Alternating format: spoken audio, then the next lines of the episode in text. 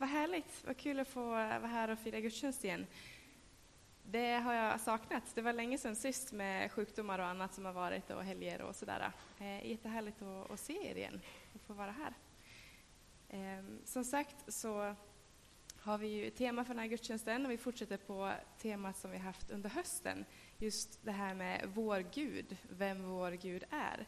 Eh, och vi har under hösten påmint oss om olika aspekter av vem vår Gud är och försökt att återigen ja, men lära känna honom, eh, poängtera olika delar av hans eh, personlighet och hur han är och hur han agerar. Eh, och flera av de teman som har varit under hösten har haft ganska så tydlig anknytning till Gamla testamentet. Till exempel vi har talat om eh, vår Gud skaparen, eller den helige, eller den rättfärdige, eller eh, eh, fridsförsten. Jag var på väg att säga stridsförsten, men jag menar fridsförsten.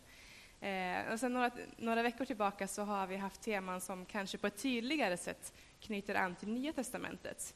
Eh, och idag är ju temat Vår Gud, vägen. Eh, och det är ju en del av en treklang, eller vad man ska kalla det, utifrån Jesu eget uttalande om sig själv. För han säger att jag är vägen, sanningen och livet. Och sanningen och livet kommer att komma som teman på två följande gudstjänster. Nästa vecka är det ju eh, gemensam, eller ekumenisk bönegudstjänst, och då kommer vi inte ha temat, men de två följande kommer ha temat sanningen och livet. Eh, och jag tänkte att jag skulle börja med att läsa det här stycket där han gör det uttalandet. Och då hade jag ju texten här, men då får ni helt enkelt lyssna på mig när jag läser. Och det kommer från Johannes evangeliet kapitel 14 och sen är det vers 1 till 14. Eh, innan det här stycket så eh, beskrivs det hur de var strax före påskhögtiden och hur Jesus har samlat sina lärjungar för påskmåltiden. Eh, han vet mycket väl vad Judas är på väg att göra, att han kommer att förråda honom, att han kommer överlämna honom till dem som är hans motståndare och som, som vill röja honom ur vägen. Eh, Jesus tvättar sina lärjungars fötter som ett exempel för dem. Eh, och han förklarar för dem att han kommer att bli förrådd och han kommer att lämna dem. Och att de kan inte följa med honom nu, men det finns en tid senare då de ska få följa med honom. Jag läser från början av kapitel 14. Känn ingen oro, tro på Gud och tro på mig. I min faders hus finns många rum. Skulle jag annars säga att jag går bort för att förbereda plats för er? Och om jag nu går bort och förbereder plats åt er, så ska jag komma tillbaka och hämta er till mig, för att också ni ska vara där jag är. Och vägen dit jag går, den känner ni. Thomas sa, Herre, vi vet inte vart du går. Hur kan vi då känna vägen? Jesus svarade, Jag är vägen, sanningen och livet. Ingen kommer till Fadern utan genom mig. Och ni har lärt känna mig, om ni har lärt känna mig, så ska ni också lära känna min fader. Ni känner honom redan nu och ni har sett honom. Filippos sa, Herre, visa oss Fadern, det är nog för oss. Jesus svarade, så länge har jag varit tillsammans med er, och ändå känner du mig inte, Filippos. Den som har sett mig har sett Fadern. Hur kan du då säga, visa oss Fadern? Tror du inte att jag är i Fadern och Fadern i mig? De ord jag säger er, de talar jag inte av mig själv. Fadern är i mig och utför sina gärningar. Tro mig när jag säger det, att jag är i Fadern och Fadern i mig. Eller tro åtminstone för gärningarnas skull. Sannerligen, jag säger er, den som tror på mig ska utföra gärningar som jag och ännu större, ty jag går till Fadern. Vad ni än ber om i mitt namn ska jag göra, så att Fadern blir förhärligad genom Sonen. Om ni ber om något i mitt namn ska jag göra det. Nu.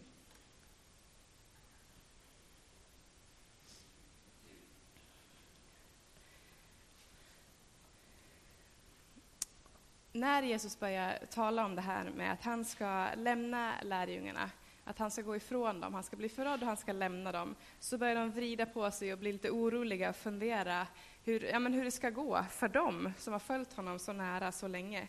Och Simon Petrus är den första att fråga, men Herre, vart går du? Och han, han utbrister att jag ska följa dig, jag ska ge mitt liv för dig, för din skull.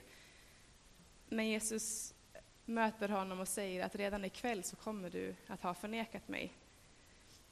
Han förklarar för dem att ni kan inte följa med mig nu, det går inte, men ni ska få göra det längre fram.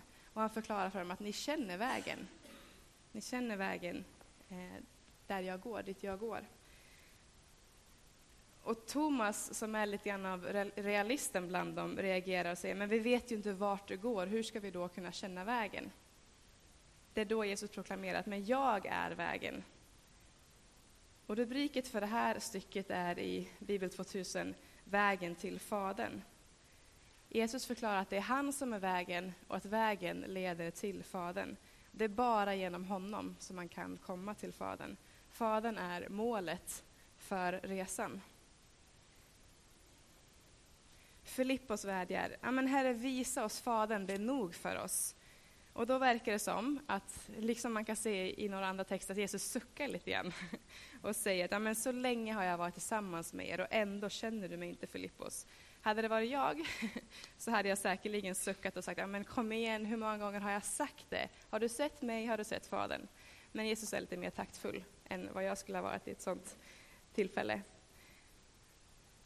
Petrus blir nedslagen av att höra från Jesus att ja, men redan ikväll kommer du att förneka mig. Han säger att han vill ge sitt liv för Jesus och Jesus förklarar att jag är ledsen, men du, du kommer att svika dig själv. Men Jesus tröstar honom och säger, känn ingen oro. Det finns många rum och jag ska göra plats för er. Och gång på gång så försöker han förklara, ni känner redan vägen. Ni har redan sett målet, tro bara på mig och tro på Gud. En väg måste ju ändå leda någonstans. Säg den väg som leder till ingenting. Jag vet inte om ni har stått på en sån väg. Det skulle väl i så fall vara den här vägen som leder till området ingenting i Solna. Men utöver det så tänker jag att en väg har alltid ett mål. En väg har ett syfte till varför den existerar. Den leder någonstans. Eh, och utifrån vad Jesus försöker beskriva och vad som tydliggörs i den rubriken för det här stycket så är ju målet för dit den här vägen leder, det är Fadern. Och här återkommer vi lite grann till temat Vår Gud, skaparen och berättelsen om hur Gud från början vandrade bland människorna. Där de gick, där gick han. Gemenskapen mellan Gud och människan är det som är målet.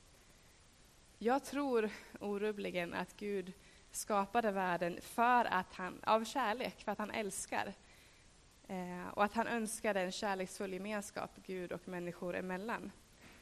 Men sen vet vi, vi känner historien, vi vet vad som hände, vi vet att, det, eh, att olydnad skapade en kil mellan människor och Gud. Eh, en kil som gjorde att man kunde inte umgås på det här direkta sättet som vi kan läsa om i Första Mosebok. Och en, en kil, ett, en distans som bara Gud kan överbrygga. I Hebreerbrevet kan vi läsa om hur det tack vare Jesu blod finns en ny och levande väg genom förhänget och att den här vägen är Jesu kropp. Så kan vi då, mina bröder, tack vare Jesu blod frimodigt gå in i helgedomen på den nya och levande väg genom förhänget, hans kropp, som han har invigt åt oss. Förhänget var ju det här jättetjocka tyget som fanns i templet som, skilde, som en skiljevägg fram till, in till det allra heligaste. Den plats där endast en överstepräst fick gå in en gång per år. Den heliga guden kunde ju inte längre ha den här direkta gemenskapen med människorna. Eh, och därför så kunde Gud och människan bara umgås på ett, ja, men, under mycket bestämda former. Men i och med att Jesus valde att eh, komma till den här världen, att han valde att ta på sig alla våra synder, alla våra skulder och dö på korset, så rev han upp den här skiljeväggen. Det här förhänget revs bokstavligt talat mitt i tu och tillintetgjorde skiljeväggen och distansen mellan Gud och människan. Jag läser från Matteus 27.45 och framåt. Vid sjätte timmen föll ett mörker över hela jorden, och det varade till nionde timmen. Vid nionde timmen ropade Jesus med hög röst, Eli, Eli, lema sabachthani, vilket betyder, min Gud, min Gud, varför har du övergivit mig? Några som stod där och hörde det sa, han ropar på Elia. En av dem sprang fram, sprang genast bort och tog en svamp, fyllde den med surt vin och satte den på en käpp för att ge honom att dricka. Då sa de andra, Låt oss se om Elia kommer och hjälper honom. Men Jesus ropade än en gång med hög röst och gav upp andan. Då brast förhänget i templet i två delar, uppifrån och ända ner. Jorden skakade och klipporna rämnade. Lite senare står det, när officeren och de som bevakade Jesus tillsammans med honom såg jordbävningen och det andra som hände, så greps de av en stark fruktan och sa, den mannen måste ha varit Guds son. Jesu offerdöd på korset fick det här förhänget, eller förlåten som det också kallas, att brista. Det öppnades en ny och levande väg för människorna till Gud, en ny möjlighet för gemenskap mellan människa och Gud. Så Jesus är vägen och Fadern är målet. Men på många punkter i den här texten som jag läste från Johannes evangeliet så gör också Jesus det tydligt att han och Fadern är ett. Om ni har lärt känna mig så ska ni också lära känna min fader. Den som har sett mig har sett Fadern. Jag är i Fadern och Fadern i mig. Så samtidigt som Jesus är vägen så är han också målet. Och på ett sätt så har lärjungarna som levt nära honom, de har redan nått målet på ett sätt, för de har gemenskap med Gud. Men gemenskapen är inte helt fullkomlig ännu. Gud har en fullkomligt kärleksfull gemenskap i åtanke. En gemenskap som inte är bunden av den här bristna världen som vi lever i. En gemenskap där människan är helt och fullt upprättad så att människan är kapabel att agera helt och fullt, helt och fullt ut kärleksfullt och inte driven av att göra egoistiska handlingar. En gemenskap där skapelsen och den plan som Gud hade från början är helt och hållet upprättad. Så när vi talar om, om det här med att vägen, att gå med Jesus på vägen och målet, så kan vi tala om, på samma sätt som vi talar om Guds rike, att det, det, är redan nu, men ännu inte. Att vi är på en resa, men vi är delvis redan i mål. Jesus är vägen, målet är Fadern. Jesus och Fadern är ett. På vägen med Jesus så är vi delvis på ett sätt redan i mål. Och längs med den här vägen som Jesus leder oss på, som Jesus är, så ser vi spår av slutdestinationen. I den här världen som vi lever i så får vi se tecken på den här världen eh, som vi är på väg till, det slutgiltiga målet. När Jesus vandrar på jorden så gör han ju underbara gärningar, fantastiska under, mirakulösa handlingar. Eh, handlingar som inte är naturliga, utan snarare är övernaturliga och som visar på det som ska komma. Glimtar av Guds rike och vad det här riket innebär för någonting. Helande, tecken på att i Guds rike så kommer det inte finnas sjukdom. Förlåtelse, tecken på att i Guds rike så kommer alla relationer att vara upprättade. Att gå på, på vatten är tecken för att i Guds rike så är allt för honom möjligt. Det finns inga hinder för hans vilja. När Johannes döparen förbereder vägen för Jesus, för att Jesus ska komma, så ropar han ut omvänd er, himmelriket är nära. När Jesus börjar sin verksamhet så proklamerar han med samma budskap, omvänd er, Guds rike är nära, samtidigt som han börjar göra under och tecken.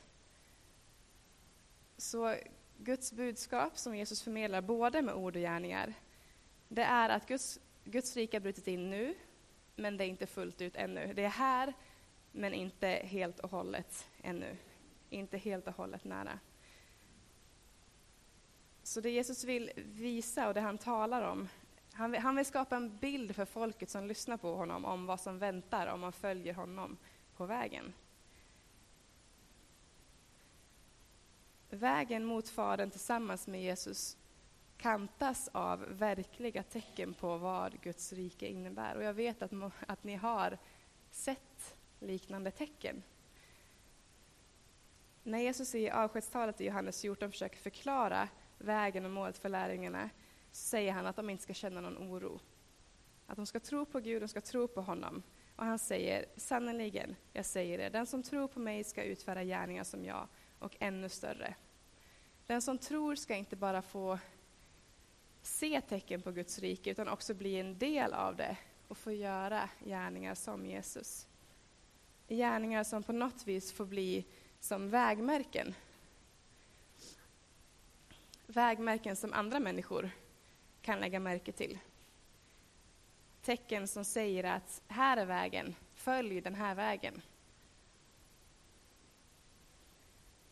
Om Jesus samtidigt är vägen och målet så måste det betyda att vägen inte är en enda lång strävan fram till Jesus utan att det är en vandring tillsammans med honom. Och Det borde innebära att vägen inte är någon slags kamp att försöka hålla sig kvar på vägen utan att snubbla av eller ta en avvikande väg. Utan, det, det borde inte handla om rigida regler eller förhållningssätt utan det borde vara en vandring tillsammans med honom. Och sättet då att hålla sig kvar på vägen är att ha Jesus inom räckhåll. Med Jesus inom räckhåll så är du på ett sätt redan vid målet, för du har gemenskap med Gud. Men samtidigt så är du fortfarande på väg mot målet för att den här gemenskapen ska bli fullkomlig, utan tveksamheter. Det ska inte vara någon gåtfull spegelbild längre. Det ska inte vara aningar och hintar längre, utan det ska vara en direkt och alldeles fantastisk gemenskap med Gud. Då kan man ju fundera på om är, Gud, är Jesus inom räckhåll för mig i mitt liv? Det är inte alltid det känns så eller verkar så. Det är så många gånger som jag gör saker som jag inte är stolt över. Ehm, så många gånger som jag tänker att jag ska starta en god vana. Till exempel kanske be i bilen på vägen till jobbet. Eller under tiden jag duschar rabbla saker jag är tacksam för. Eller försöka vara den här positiva personen på jobbet eller där jag befinner mig till vardagen. Eh, och vara det här ljuset eh, som lyser för människor runt omkring mig. Eller följa den här bibelläsningsplanen varje dag utan att missa en dag. Men ändå så, så faller jag dit och misslyckas. Eh, och det kan ju till och med gå långa perioder då jag kanske inte ens tänker på Jesus. Hur kan jag tänka att han är inom räckhåll i mitt liv? Jesus säger, vägen dit jag går, den känner ni. Jag vet inte om ni känner igen den här känslan av att ha kört bil. Eh, en, en sträcka som du känner väldigt väl, som du har kört så många gånger innan. Du vet precis varje sväng. Du känner den väldigt väl. Eh, och under tiden du kör den så försvinner du bort lite grann i tankarna. Eh, du är visserligen helt medveten om att du kör och du lägger märke till om det händer någonting och kan väja och sådär. Du är medveten och du är närvarande på ett sådant sätt. Eh, men rätt som det var så kanske du vaknar upp och känner att oj, hur tog jag mig hit? Är jag redan framme? Är det någon som känner igen den känslan? Jag vet inte vad det kallas, men du är ju medveten under tiden du kör, men ändå så kan du till slut vakna upp och känna att oj, vad, nu är jag ju här. Eh, och inte varit på ett sätt vid medvetande under tiden. Jag tänker att så kan våra trosliv också vara emellanåt. Att vi går lite grann på rutin, om man ska kalla det så. Vi är medvetna, samtidigt som vi kanske inte fördjupar oss i det vi möter eller ser. Eh, vi tar oss bara vidare tryggt och säkert på något sätt. Och jag tänker att det är nödvändigt att livet får vara så ibland. Både vårt eh, vanliga liv, att det får gå lite grann på autopilot emellanåt, men också troslivet. För jag tror att det på något vis kan kännas, det kan finnas någon slags vila i det också, att det får vara så under perioder. Men rätt som det är så vaknar man till och inser att man har tagit sig fram på vägen, tryggt och säkert. Eh, men nu är man mer medveten och reflekterande över det som sker runt omkring, över det man möter. Jag tror inte att vi hamnar i diket eller viker av åt fel håll från liksom, vägen tillsammans med Jesus bara för att vi går på autopilot emellanåt. Jesus säger att vi känner vägen. Han säger att vi känner honom. Eh, vi är bekant med vem han är som person. Eh, vi vet vilka värderingar han har, eh, ungefär vad som är hans vilja eh, och vilken plan han ändå har för oss och världen. och så där. Eh, och bara för att vi kör på autopilot under en period gör inte att vi automatiskt glider ifrån. Däremot tror jag att det är bra att de här perioderna är just perioder. Målet är ju gemenskap med Gud. Och som sagt så är resan också en del av målet. Och gemenskapen blir inte som bäst när de går, de går på autopilot. En god gemenskap kan definitivt klara av det under en period. Men en verklig och kärleksfull gemenskap kräver ju närvaro och engagemang. Det kan vara så att vi brottas med känslor av att eh, Jesus inte känns inom räckhåll på grund av hur mitt liv ser ut just nu. Det kanske finns saker som jag önsk, i mitt liv som jag önskar att de såg inte ut som de gör. Och jag kanske till och med tänker att Gud önskar också att de inte ser ut som de gör. Vi kan falla dit och tro att eh, vår gemenskap med Gud inte är någonting värt för att livet ser ut som det gör. Men när vi läser om Jesus och ser eh, hur han levde sitt liv eh, så vet vi att han eh, umgicks med väldigt mycket olika typer av människor. Eh, människor som tänkte väldigt högt om sig själva, människor som hade väldigt mycket, människor som hade väldigt lite, människor som skämdes, människor som av andra ansågs vara orena, människor som var rent ut sagt kriminella. Och han umgås med dem och det verkar inte finnas något inträdesprov på någonting du måste klara av, någonting som måste, du måste inte bli okejad innan du får äta med honom till exempel. Och det bör ju visa oss också att oavsett hur mitt liv ser ut nu så, så vill han ha gemenskap med oss. Eh, han är inom räckhåll för oss. Om han inte hindrar oss så borde vi inte heller hindra oss själva. Fundera på hur du håller en annan människa inom räckhåll. Vilka medel tar du till för att fortsätta ha en nära gemenskap med en annan människa? Tänk på de här medlen och försök översätta dem till din relation med Gud. Hur kan just du, utifrån vem du är som person, fortsätta ha Jesus inom räckhåll? En sak till bara innan jag tänkte avsluta. När du upplever att du får se, eller på något vis uppleva hintar av, eller tecken på det här som ska komma, det här riket som Jesus talar om, som är redan nu men ännu inte. När du upplever att någonting sker enligt Guds vilja, att Gud verkar på något sätt, och du känner att du kan formulera det med ord, eller med en bild, eller med en handling eller så, så gör det till ett vägmärke så att andra människor också kan lägga märke till det. Så får du vara med och hjälpa andra människor att se vart vägen går.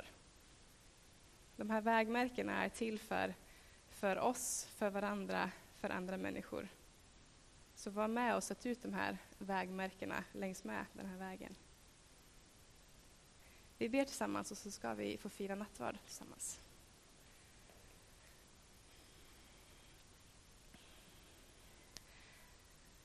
Herre Jesus, tack för att vi får ha den här gemenskapen med dig. Tack för att du har gjort vägen ny och levande. Att vi får nå fram till dig och att du möter oss. Att vi får gå med dig på den här vägen och att du är vägen samtidigt som du också är målet, Herre. Tack för att det du längtar efter är att ha gemenskap med oss. Att målet är att få ha gemenskap med dig, Gud. Tack för att vi alltid är välkomna, att du alltid har en öppen famn och att du alltid är inom räckhåll för oss. Och jag ber att vi också ska eh, vända vår blick till dig och se att du välkomnar oss in i den här gemenskapen, Herre. Jag vill be om din välsignelse över var och en eh, som har samlats här idag, eh, i den här lokalen, på söndagsskolan och vart vi nu befinner oss, Herre. Eh, tack för din välsignelse, tack för din närhet. Och jag ber att det här eh, året som nu har inletts ska få vara ett år då vi får vara med och sätta ut de här vägmärkena som får påminna oss själva om dig och ditt rike, men också vara tydliga för andra människor och visa att du är vägen och här går vägen eh, och att den är till för oss alla. Kom helige Ande, ber jag. I Jesu namn. Amen.